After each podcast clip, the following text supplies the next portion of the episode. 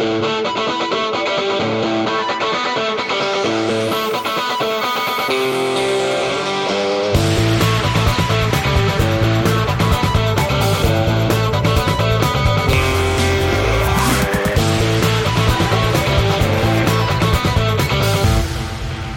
Labdien, Latvijas radio pirmā kanāla sporta raidījuma piespēļu klausītāji. Studijā Mārtiņš Kļavinieks.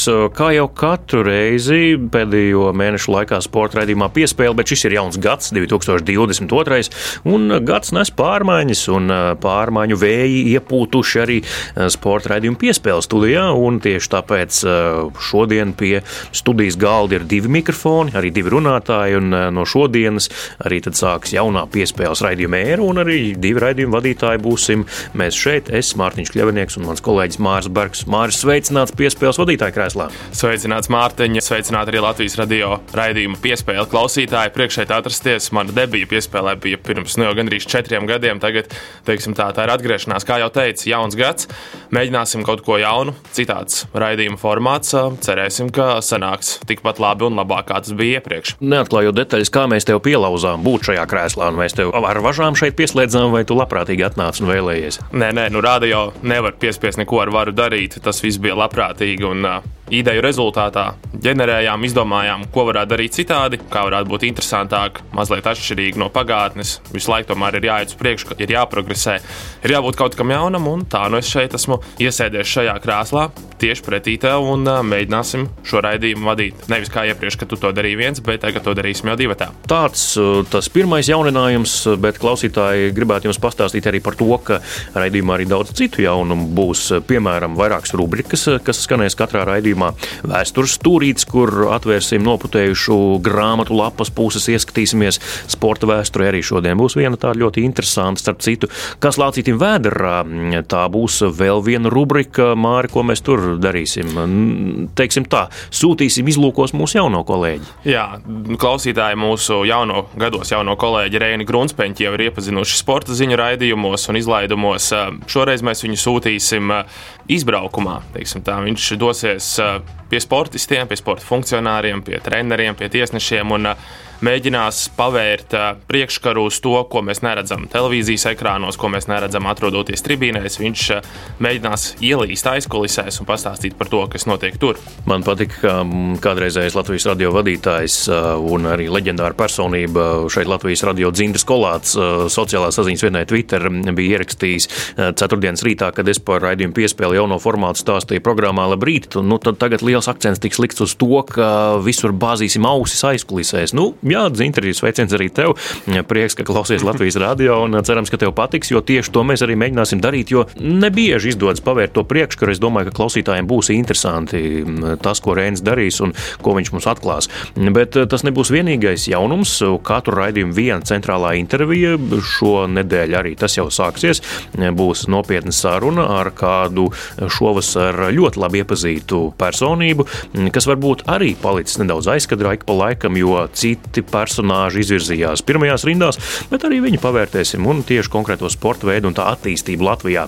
Bez šī konkrētā personāža galu galā nebūtu arī tiem priekšplāna personāžiem iespējams izcīnīt to, ko viņi izdarīja. Tā gan jā, jo atklāsim, ka viņš ir treneris un bez trenera nebūtu komandas un nebūtu arī snieguma. Tā kā varat jau mēģināt uz lapiņas pierakstīt vai tālrunī fiksēt, ko mēs, kādus pavadienus mēs metam jūsu virzienā, ķeriet, grabiet ciet un mēģiniet salikt kopā, varbūt savienot tos, bet bet drīz vien jau arī e, viss tiks atklāts. Bet e, vēl viens ļoti, ļoti labs jaunums, e, par ko man ir milzu prieks, es domāju, Mārte arī un visiem radioklausītājiem, ka Gunārs Jākapsons, dzīvā Latvijas radio leģenda, unikāla balss, īpaši jau sporta lauciņā Latvijas radio atgriežas sporta raidījumā piespēle. Katra mēneša pēdējā svētdienā rubrika ciemos pie Gunāra Jākapsona. Gunārs Jākapsons atvērs savas durvis, tiesa gan nevis uz mājām, bet uz studijas iekšā iekšieni un aicinās iekšā kādu interesantu personību un sarunāsies ar viņu par sportu. Jā, man, es tev pilnīgi piekrītu. Man ir milzīgs prieks, ka Gunārs ir atgriezies šajā raidījumā. Gunāra zināšanas, viņa pieredze un viss tas, ko viņš ir darījis, tas ir nenovērtējams mantojums, kuru noteikti jācenšas likt lietā un izmantot. Un tiešām prieks, ka Gunārs iesaistīsies šajā projektā. Starp citu, daudzām sporta komandām pārmet arī Latvijas sporta komandām, kas savāc sastāvā jaunos un nav, kas, nu, nav neviens, kurš čempionu titulu izcīnījis vai kurš redzējis tās lielās lietas un bijis augstumos ar pieredzi, kas varētu nosvērt to jaunības maksimālismu tādā produktivitātes virzienā. Nu, tad Gunārs mums ir tāds smagsvars, ka nu, turies tikai mēs centīsimies ņemt visu to labāko mācīties un, protams, arī klausīties to, ko viņš stāsta arī ikdienā. Es te papildināšu, Mārtiņ, mēs tomēr ar tevi vairs neesam jaunie. Mēs varētu teikt, ka mēs esam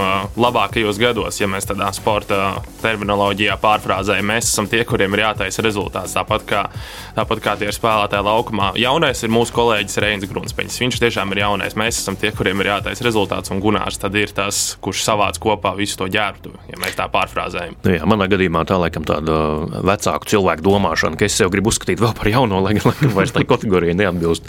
Bet, nu, labi, tas citreiz um, pie mana psihologa jāvēršas vai kaut kā tā, joks, protams. Bet uh, turpinām sporta raidījumu piespēle. Pēc uh, mazas atelpas uh, ķeramies klāt jau šīs nedēļas konkrētā raidījuma saturaram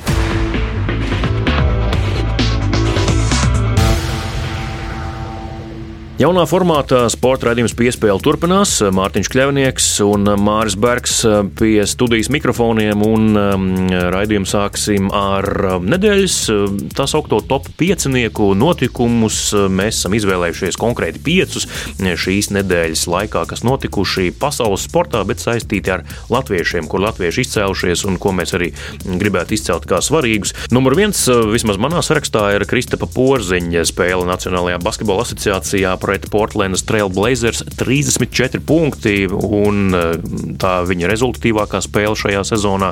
Un eh, jāsaka tā, ka man vismaz liekas, ka Kristaps tik tiešām ir atplaucis un atkal eh, ir tas īstais Kristaps, kādu mēs vēlamies mm, redzēt laukumā. Dāvim arī, Dāvim Bērtānam tātad 19 punktu šonadēļ pret Miami Heat. Mm, arī ļoti produktīva spēle pēc kāda laika pārtraukuma. Cerams, ka abi bāliņi atkal ir uzkāpuši zirgā un jās augstā stikla kalnā. Jā, Kristapam sezona jau kopumā ir diezgan laba, un pie Jasona Kida viņš tik tiešām izskatās ir atvērties, bet mazliet uh, žēl par dāvi. Tās sezonas stipri samocīta traumu dēļ atkal.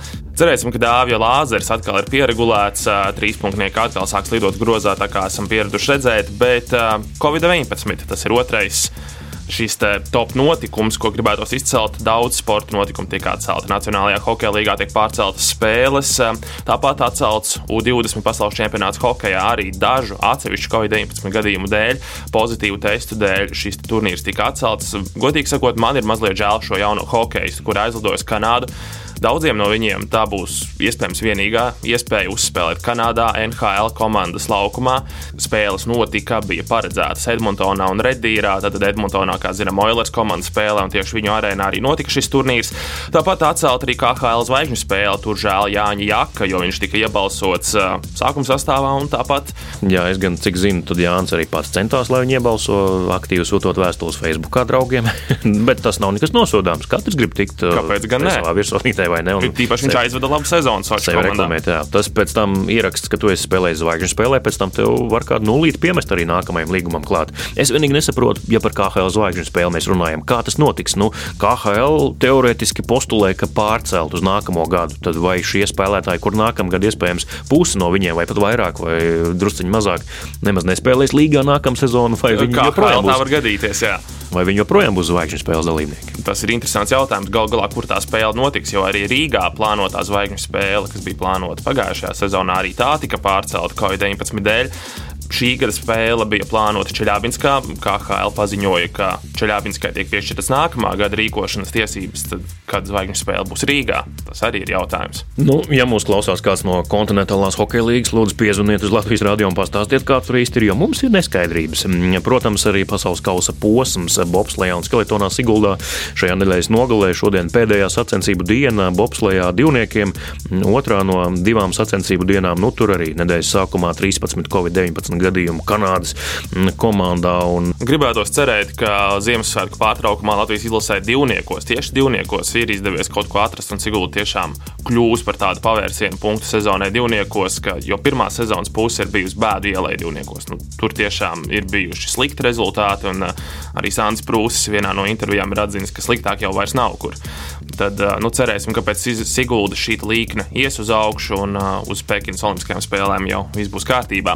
Bet vēl viens notikums, ko šonadēļ gribētos izcelt. Latvijas handbola izlase triumfēja Rīgas domas kausa izcīņā. Protams, tas ir pārbaudas turnīrs. Arī pretinieki var būt ne tik stipri kā citas reizes šajā turnīrā esam redzējuši. Tur ir bijušas arī stiprākas komandas iepriekšējos gados, taču apspēlēt Lietuvas izlase ļoti smagā cīņā, bet uzvarēta, un pēc tam Igaunijas izlase arī nu, jau pārliecinošāk uzvarēta. Galu galā pārbaudas turnīrs vai nē, bet kauss ir kauss, medaļas ir medaļas, un uh, tas nāk par labu komandas noskaņojumam, psiholoģiskajai gatavībai. Latvijas handbolistiem priekšā Eiropas čempionāta kvalifikācija jau janvāra sākumā. Tomēr arī bija klātienē vēroja spēles Rīgas domas kausā, kā izskatījās komanda. Skaidrs, ka Dainis Kristopāns Tur nav jautājumu par viņa klasi, kas tur ir pārējie viņam apkārt.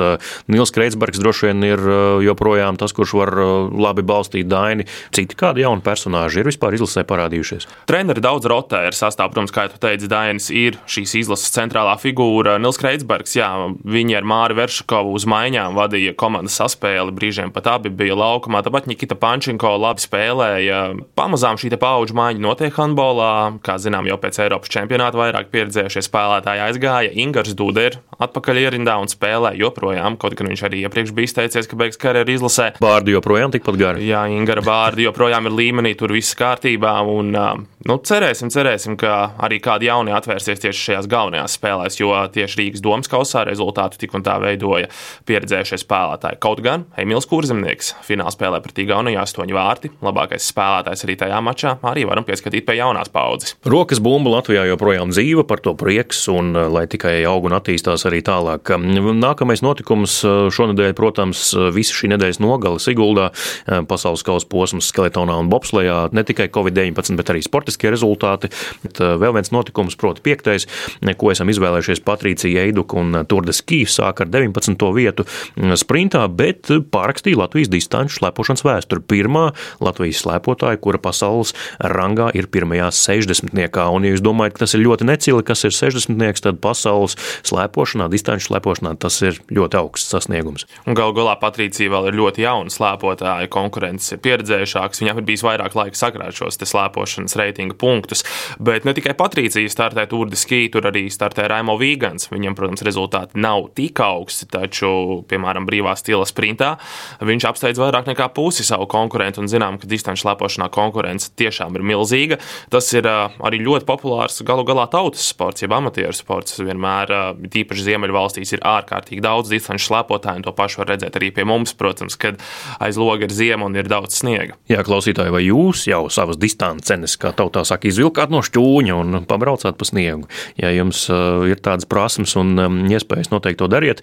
Bet Patricija, protams, par Patriciju Eidu runājot, viņa ir tā, kas velk uz saviem pleciem principā visu Latvijas distanču slēpošanas vidi šobrīd aizvilkusi. Ir arī trīs olimpiskās starta vietas Pekinā, jo trīs slēpotājs no Latvijas varēs startēt. Skaidrs, ka viena būs Patricija, bet vēl divām tā būs unikāla iespēja aizbraukt uz Olimpiskajām spēlēm. Tas pateicoties tieši Patricijas rezultātiem. Distanču slēpošana tiešām bija pagājusi Biatlonā. Biatlons bija tāds top sporta veids, eh, kuram daudz vairāk uzmanības tika pievērsts. Tagad gribētu teikt, ka ir pat mazliet otrādi. Vairāk uzmanības tiek distanču slēpošanai, Patricijai Eidukai, arī Raimo Vīgantam un arī pārējiem distanču slēpotājiem, kuri izceļās ar labiem rezultātiem.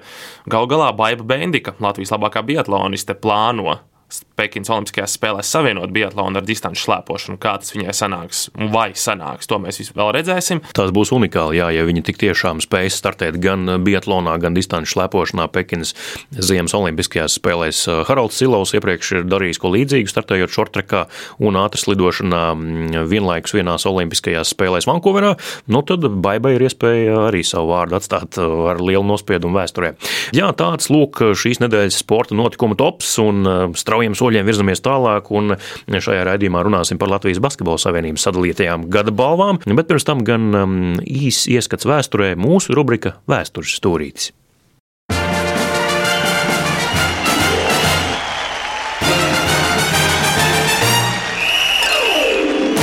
Rubrika Vēstures stūrītis un vēstures stūrītī šonadēļ, protams, par Siguldas kamanu bobsleju un skeletonu trasi, jo šonadēļ, kā jau minējām, notiek pasaules kausa posms bobslejā un skeletonā, bet šonadēļ arī Siguldas trasē apaļa, varētu teikt, ka apaļa, varbūt puskantaina, kā mēs to varētu devēt, jubileja.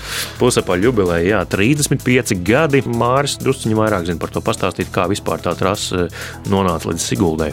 Jā, nu, tāda trases atvēršana Siguldā notika 1986. gada 28. decembrī.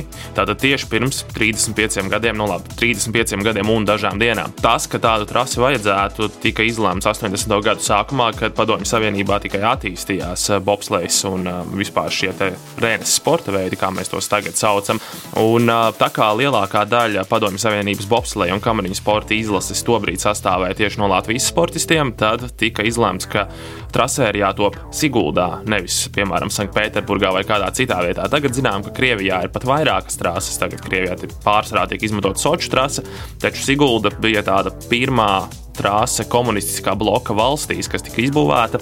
Un, um, jā, tā tika atvērta 88. gada pašā nogalē, taču lēmums par to, ka tas būtu jādara, tika pieņemts jau 1982. gadā. Mārtiņ, tu arī zini, kuri bija tie cilvēki, kuri svinīgi atklāja šo trasi, kuri pirmie nobrauca pa šo trasi. Jā, tur gan uh, vēstures zinātāji vai vēstures lapas puses uh, vēl uh, joprojām īsti absolūti viensprāts nav, jo, piemēram, izglītības izglītības un eh, zinātnes ministrijas sporta departamenta direktors Edgars Severs vismaz tīmeklī komentēja, ka pirmais, kurš nobrauc pa trasi bobslēga divniekā, bija arī Dainis Dukurs, tātad eh, ilgadējais trases vadītājs, um, skeletonistu Mārtiņu un Tomas Tēvs, bet tomēr oficiālajā avoti gan eh, saka ko citu. Pirmā pa trasi nobrauca olimpiskā čempione, kamaliņa braucēja Vēra Zozuļa, mm, pēc viņas pa kilometru garo distanci četrvietīgās bobslēga, kā manas meistarīgi esot vadījis olimpisko spēļu mm, medaļas ieguvējs Zins Sekmans, tagadējais Bobsleja Skeletonu federācijas um, ģenerālsekretārs. Nu, tad um, kas to zina, kā bija un kā tik tiešām varbūt kāds cits vēl nošļūts pirms tam un izmēģināja kāds strādnieks varbūt. Jā, pajautā Zintim, kā viņš vispār ielocīja četrnieku kamanas Siguldas trasē. Nu, protams, skaidrs, ka to laika izmēri kamanām nedaudz atšķīrās, taču, kā zinām, šobrīd Siguldā četrnieku kamanas nevar startēt un nobraukt droši. Izrādās, ka arī šī brīža starptautiskās uh, kamanu uh, federācijas oficiālais profesionālais fotogrāfs Latvijas Marijas Gaļinovskis, eh, kurš arī šajā laikā, kad būvēja trasi, bija mazs puika, esot piedalījies trases būvēšanas kaut kādos darbos, tur palīdzējis. Nu, un eh, tad arī bijis viens no pirmajiem, kurš eh, pa trasi braucis, trenējies arī kā mazs puika, un, un no šīs trases pirmsākumiem arī atceras savu kamanu karjeras laiku, kurš nu jau ir beidzies, bet tomēr vēl ir siltās atmiņās. Tā kā arī tāda saistība ar Sigūdas trasi ir dažādiem latviešiem, un tāda ir šī trase, ar to mēs lepojamies vēstures. Jā, bet es domāju, ka ar to arī noslēgsim vēstures stūrīti un pievērsīsimies mūsu šīs dienas galvenajam tematam, jā, tematam par uh, sadalītajām Latvijas basketbola gada balvām, kur noskaidrojam gan gada labākos spēlētājus, gan arī gada trenerus.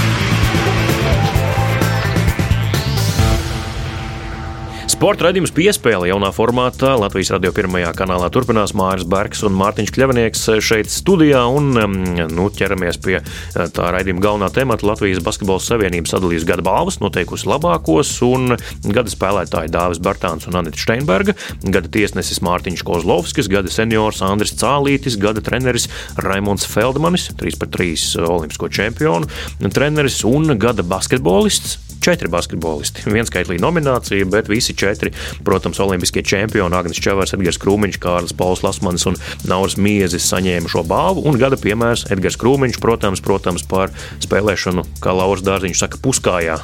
Finālā mačā. Jā. Olimpiskajā finālā, jā, es domāju, to daudz vēl atceras, un tas ilgi vēl paliks spilgt atmiņā.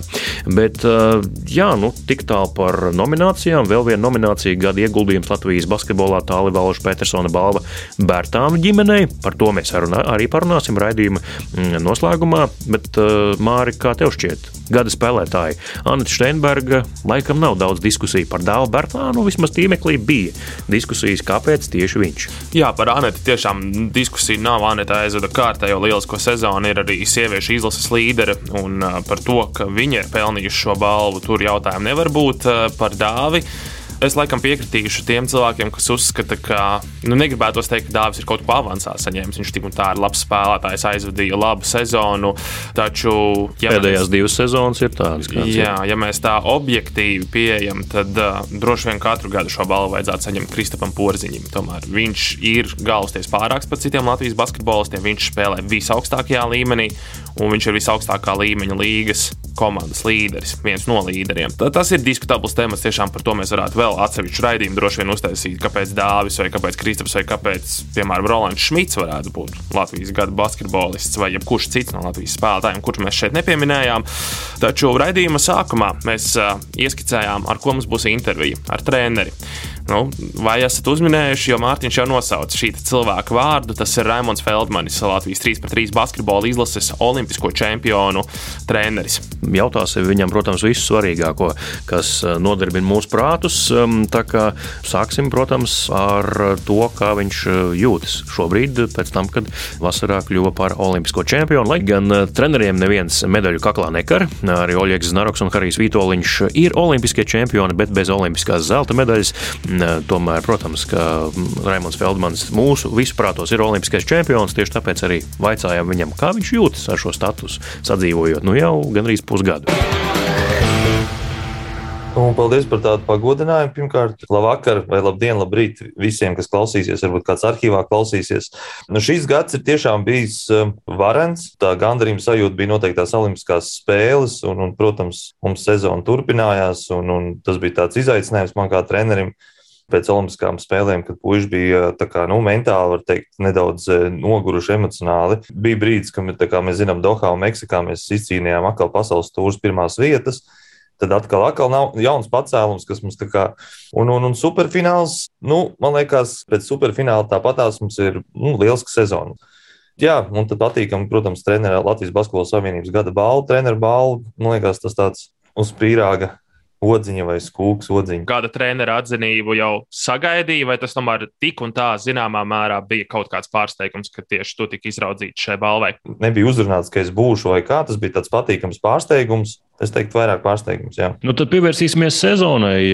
Ar nesenākajiem notikumiem sāksim. Proti, turnīrs Džidā, pasaules tūris fināla posms. Un, nu, skaidrs, ka paši puiši arī gribēja atkārtot uh, to visaugstāko sasniegumu, kāds jums jau reiz ir padevies šajā turnīrā. Bet nu, šoreiz nesanāca, nācās apstāties ceturtajā finālā. Vai tas bija maksimālais iespējamais rezultāts? Respektīvi, vai bija kaut kāda objektīva apsvēruma, ka varbūt kas patraucēja tik tiešām tik tālāk, vai tas bija vienkārši zaudējums? Paši zaudēja, tāpēc netika tālāk. Kā tu skaidrot šo apstāšanos ceturtajā finālā? Tas nebija noteikti maksimums. Mēs gribējām, mēs gribējām uzvarēt, un apetīti vienmēr aug ēdot. Protams, arī kaut kāds savveids spiediens, un ceturtajā finālā spēlējām ar Krievijas komandu, kas, man liekas, savā ziņā varbūt nebija tajā e, olimpiskajā sastāvā, bet tāpat principāli cīņa saistībā ar olimpisko finālu. Bet, e, jā, nu, mēs paši zaudējām, mums kaut kāds noteikts e, spēles laikā bija kļūdas, ko mēs neizdarījām. Vai, kaut kur paviršī, bet puiši šajā sezonā ir auguši kā spēlētāji, kā pārliecība, kā darbības. Daudzas lietas bija ļoti efektīvas, bet eh, man liekas, bija šī pietrūka mums dzirkstele, dzirkstele mm. kaut kāda pietrūka. Emocija. Emocija, jā, kaut puiši ļoti daudz emocijas iztērējuši. Pēc olimpiādas, kad mēs atbraucam mājās, bija sabiedrības Eh, liela uzmanība. Un, un, un es kā treneris, eh, man tas arī bija izaicinājums, un puišiem liels izaicinājums. Man bija viens viedoklis, ka varbūt tās bija šī noslēgties no sabiedrības, lai netērē daudz enerģiju.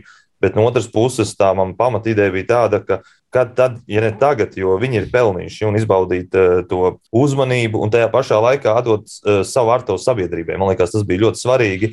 Tīpaši pēc Covid laika, un tas nav tikai mums, ka 3x3 uh, basketbola uh, Eh, iegūms Latvijas, bet tas ir Latvijas lielākā mērogā, gan basketbola mērogā, gan eh, sporta mērogā, gan vispār, man liekas, mūsu sabiedrības tādā grūtajā mirklī. Viņi bija motivēti, viņi ļoti gribēja uzvarēt, viņi tā kā pēc dabas ir uzvarētāji, pārliecība viņiem bija, un, un es saku, viņiem pietrūkst tāds, ka tā enerģija tā, ne, nedaudz, jo viņi tiešām ir iztukšoti. To es nevaru viņus attaisnot, un tas no profesionāla sportā nav attaisnojums, bet uh, tur jau nedaudz pietrūka. Arī no mūsu kā, spēles kļūdām tur 3-4 kļūdas pielabot un būtu savādāka situācija. Nu, tad ķersimies pie atskata par jūsu olimpisko ceļu. Nu, tas skaidrs, ka nesākās ne šogad, ne gada vidū, ne gada sākumā. Tas jau sākās iepriekš, bet drusciņi pašķetināsim to pavadienu kamolīti un sāksim ar, nu, teiksim tā, ar to tiešāko jautājumu, kas man jāuzdod Raimonda. Vari pastāstīt, lūdzu, arī Latvijas radio klausītājiem. Kārlis jau ir izteicies to, kas tur aizkulisēs mutuļoja. Tu vari pateikt, nu, traucēja jums strādāt vai netraucēja, un, ja traucēja, tad kā traucēja savienība un funkcionāri? Tāda tā misunderstandings pašā sākumā bija grūta, tāda komunikācija neizveidojas. Mēs zinām, ka mūsdienās jebkurā struktūrā vajag būt perfektai komunikācijai. Un, man liekas, tas tā, tā saikne kaut kā nu, neveidojās tik veiksmīgi, bet nu, liels solis palīdzēja LBS vadība, Kaspars Ciprus un uh, Raimons Vējons, kad iesaistījās uh, aktīvāk, varbūt redzēja kaut kādu savādāku redzes loku. Man kā trenerim bija vairāk jāfokusējas, tad es varēju fokusēties pamatdarbam. Bet iepriekš tam bija jānodarbojas ar kaut kādu negludumu, nolīdzināšanu, jaunu attaisnošanos un tā tālāk. Ja? Varējām lieku enerģiju netērēt, un tagad, arī tagad varam netērēt lieku enerģiju, kad bišķi skatīties, Man patīk tāds, tas dzīvē, tā uztvere, kad eh, skatīties ar pozitīvo prizmu, ja pustukša glāze vai puspilna glāze. Tad es gribētu skatīties to, uz to puspilno glāzi, un, un to eh, rezultāts ir eh, labs. Protams, varējām, varbūt, saku, ietaupīt enerģiju kaut kādām liekām darbībām. Mēs tagad esam šeit gada nogalē, un, un zelta medaļa mums ir. Vai bija tāds brīdis, kad tev pašam bija tāds sajūta, man šo visu vairs nevajag, es to vairs negribu, un es eju un lieku galdā atlūgumu. Es vairs negribu to darīt. Jā, bija. Kurā brīdī bija. tas bija? Vari, varbūt tas pastāstīt sīkāk. Šī gada sākumā, un, un, un man liekas, ka es esmu daru daudzas lietas, kas nav vajadzīgas, ka es nevaru fokusēties tieši, tiešajam darbam. Es puišiem arī teicu, ka, nu, veči, es jums atbalst, atbalstīšu un atbalstu Un, un varbūt tās eh, man vieglāk ir eh, teikt, noiet malā.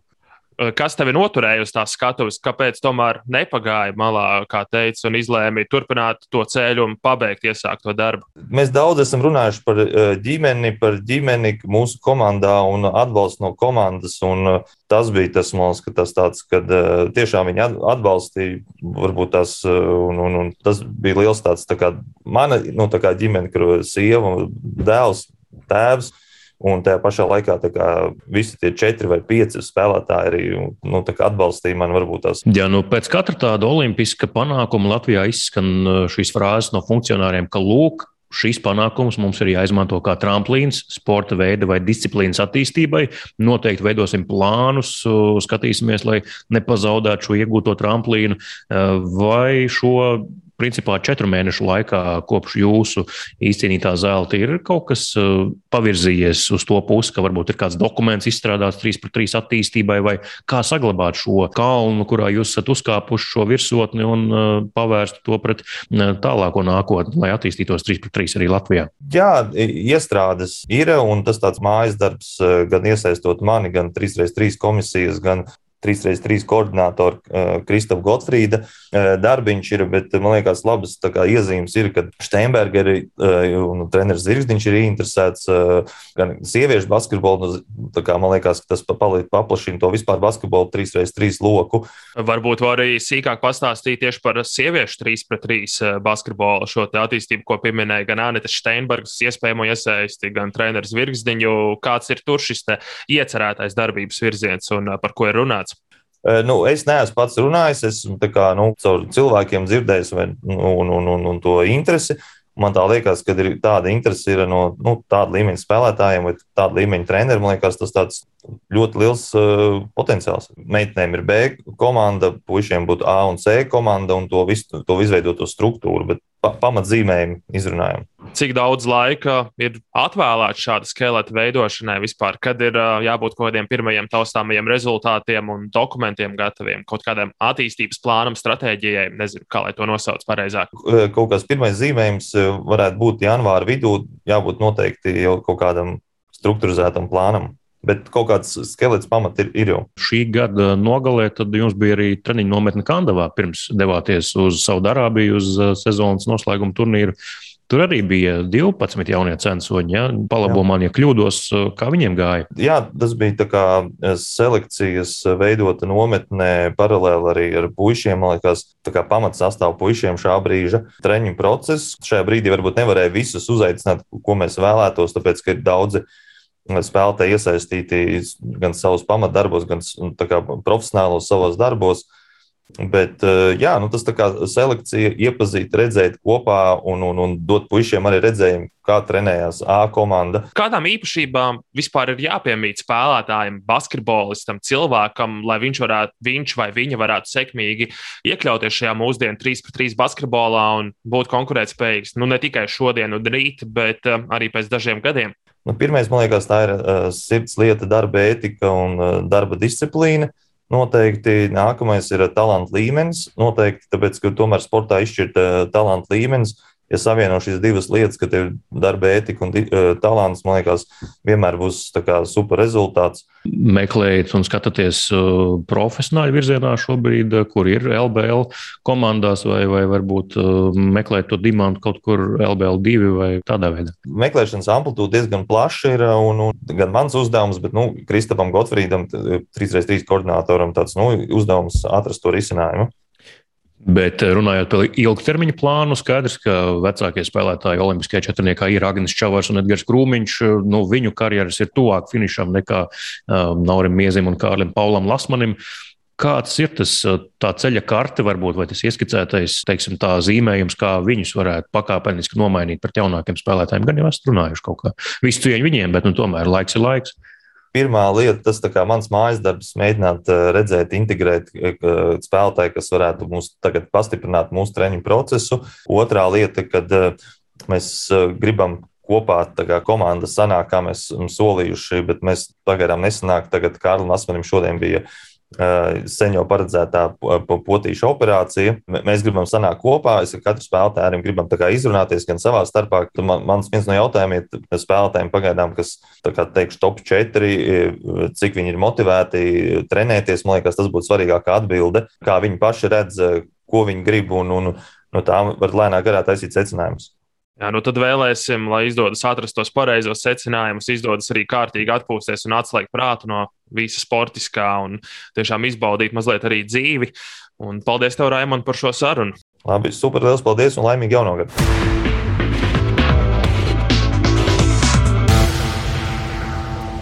Atgriežamies uh, Latvijas radio pirmā kanāla studijā. Sporta raidījums piespēle Māris Bergs, Mārtiņš Kļavinieks uh, pie um, vadītāja mikrofoniem. Māri, nu, raidījums tuvojas izskaņai. Kā tu jūties?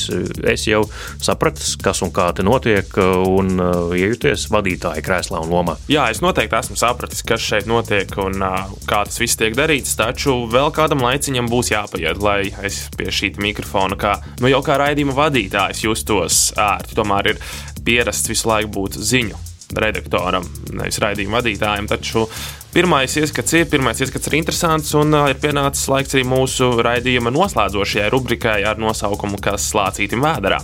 Jā, nu šī rubrika pavērs priekškaru un ļaus ieklausīties dažādās sporta aizkulisēs. Um, Reinis Grunsteins, mūsu jaunais kolēģis, katru nedēļu kaut kur dosies un mēģinās izzināt kādas um, sporta veida nianses vai, vai kopā plašāka sporta lauka nianses, bet šoreiz viņš dosies ciemos pie um, Latvijas Basketbola Savienības gada balvu saņēmušās Bērtānu ģimenes. Protams, Dairis Bērtāns, vecākais dēls un arī Dāvis Bērtāns jaunākais. Šobrīd viens ir Spānijā, viens ir Amerikā, pilda savus tiešos darba pienākumus brīnums, bet vecāki atpūšas aucē savās lauku mājās, un tur arī laipni viņi uzņēma Reini, un kā Reinim gāja aucē pie Bērtāniem, to klausāmies.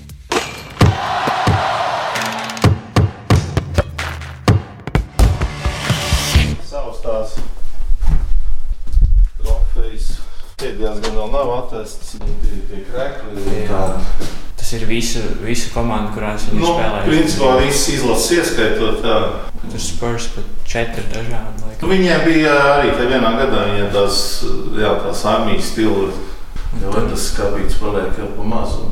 Tur vēl visādas bērnības trofejas un balvas. Tur ir viss, tur ir jaunatnes līgas. Jā, jā, jā. Esiet sveicināti sporta raidījuma piespēle klausītāji. Šobrīd atrodos Bērtāņu ģimenes lauku mājā Aucē, un man blakus ir Dainis un Dina Bērtāni, kuri kopā ar saviem bērniem Dāvi un Dairi ir saņēmuši Latvijas Basketbola Savienības piešķirto balvu gada ieguldījums Latvijas basketbolā. Sveiki!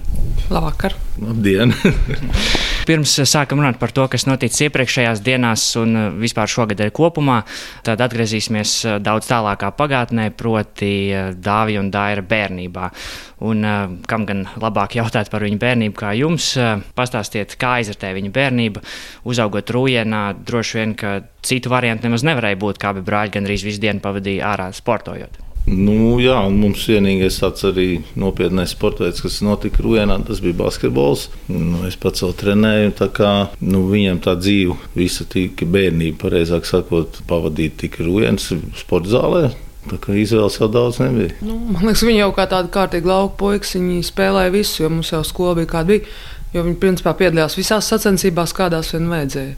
Ieskaitot slidošanu un hokeju. Piemēram, dāvāts arī hokeju mazliet spēlējis skolas komandā. Tā kā viņi darīja visu, ko vajadzēja. Jūs jau paši arī nodarbojāties ar airēšanu. Vai jums bija doma, ka viņi arī varētu kļūt par airētājiem? Nu, nē, pirmkārt, jau dāvāts noteikti ir krietni par garu. Ir pāris reizes esmu rādījis, kāda ir akadēmiskā airēšana. Es iesēdinājos arī laivā, abus divus, man liekas. Ja? Nē, man liekas, ka nē. Vai dāvāts, ne, bet dāvāts, man liekas, pat divreiz. Un, diemžēl, pēc tam jau viņam jau tās kājas bija tās laivas. Diemžēl nav tādas. Tā kā labi vien ir, ka viņš ir izvēlējies basketbolu. Es tā domāju. Kādas varbūt jūs atceraties, kādas viņam bijušas lielākās palaidnības bērnībā? Mēs jau neatceramies viņu tik lēnām tagad par viņām runātām palaidnībām. Bet nu, trakākais laikam, ka tur pa tādu slīpu ieliņu un, un ar skrituļu dēli uz vēdera brauc un izbrauc uz lielās ielas. Tur, nu, kā jau bērniem, nu, palaidnības kā palaidnības noteikti. Nu, lielāko daļu jau mēs nezinām. Nu, es biju stingrs, bet tā lielākā audzināšana jau bija uz mammu. Un, un, un kā, es praktiski mājās nebiju, jo man pašam no rīta skola, pēc tam treniņš, pēc tam pats braucu uz treniņu, tad 11. vakarā mājās. Es nedomāju, ka stingrība nosaka šo. Man liekas, drīzāk tā ir tā visa audzināšana. Mēs ģimenē tā esam audzināti. Tāpat man bija, es atceros, vienmēr visu gribējās izdarīt pēc labākās sirdsapziņas, visu labāko. Man nekad arī skolā, arī mācībās, tāpēc viņi mums ļoti labi mācījās.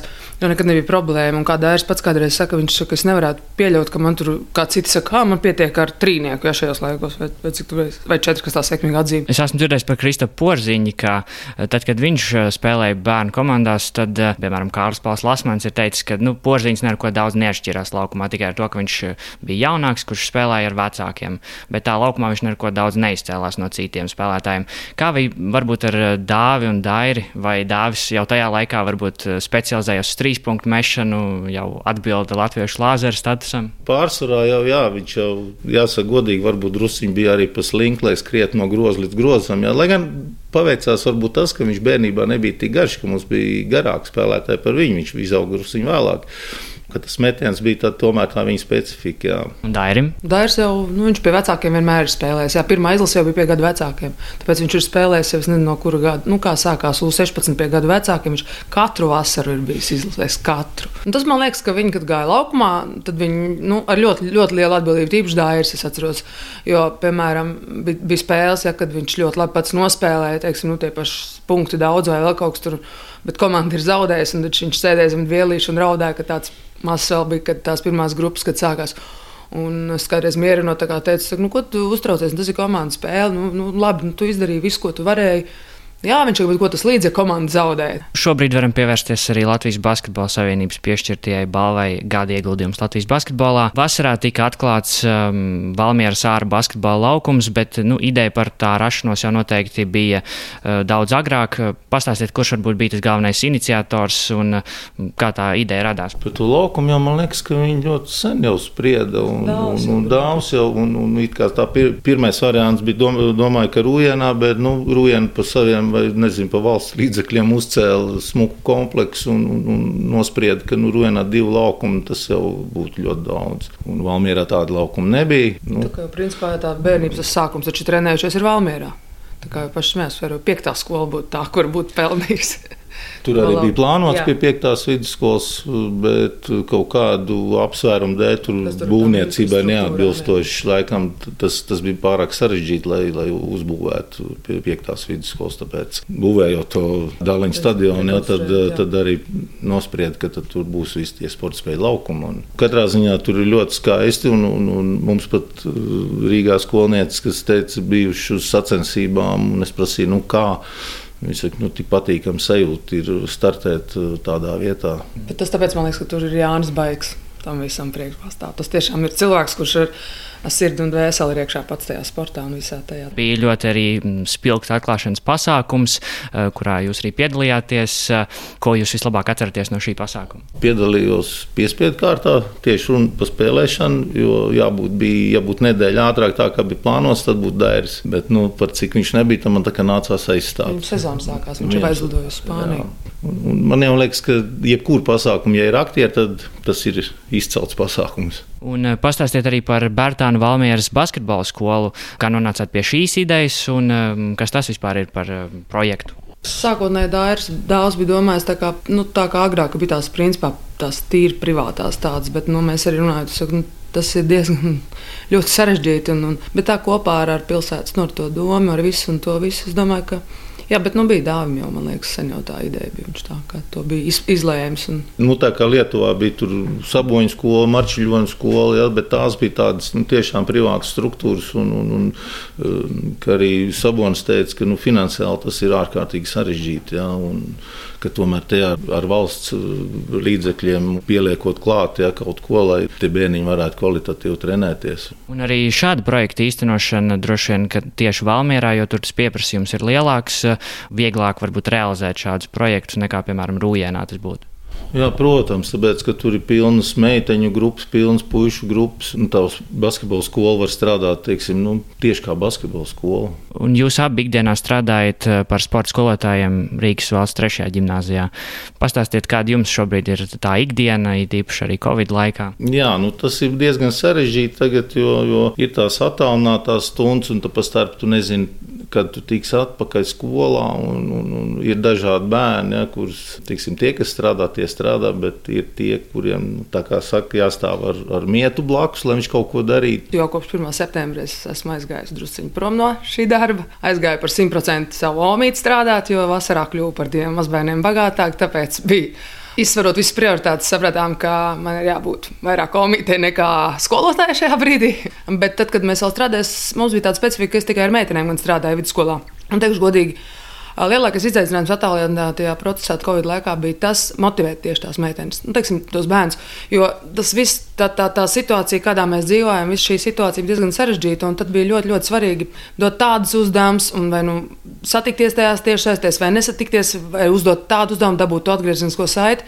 Bet es pēc tam dzirdēju ļoti daudz labus vārdus izlaidumā no meitenēm, kas tiešām bija, kas viņas saka, skolotāji, jūs mums tā iedvesmojat. Vai nākošajā gadā ir arī plānotas kaut kādas aktualitātes bērnu ģimenei? Tādas vērienīgāks. Nu, no brāļa puses pagaidām nekāda informācija nav. Mums parasti informē pēdējos. Pēdējie, mēs, jā, mums prasa, ir bijuši gadījumi, kā jums tur, tur ar to, tur pa to laukumu arī man liekas, mm -hmm. ka bija šī, saka, man pirmā dzirdēšana, ka tāds vispār būs. Nu, tā, tas tā interesanti. Mēs uzzinām pēdējie vienmēr visu. Visbeidzot, ko, jums, ko jūs gribētu, lai jums novēl 2022. gadā? Veselība. Laikam tas ir tas svarīgākais, man liekas. Jā. To arī novēlu un paldies par šo sarunu. Paldies! paldies. Atgriežamies raidījuma piespēles studijā. Mārcis Bergs, Mārtiņš Kļavnieks.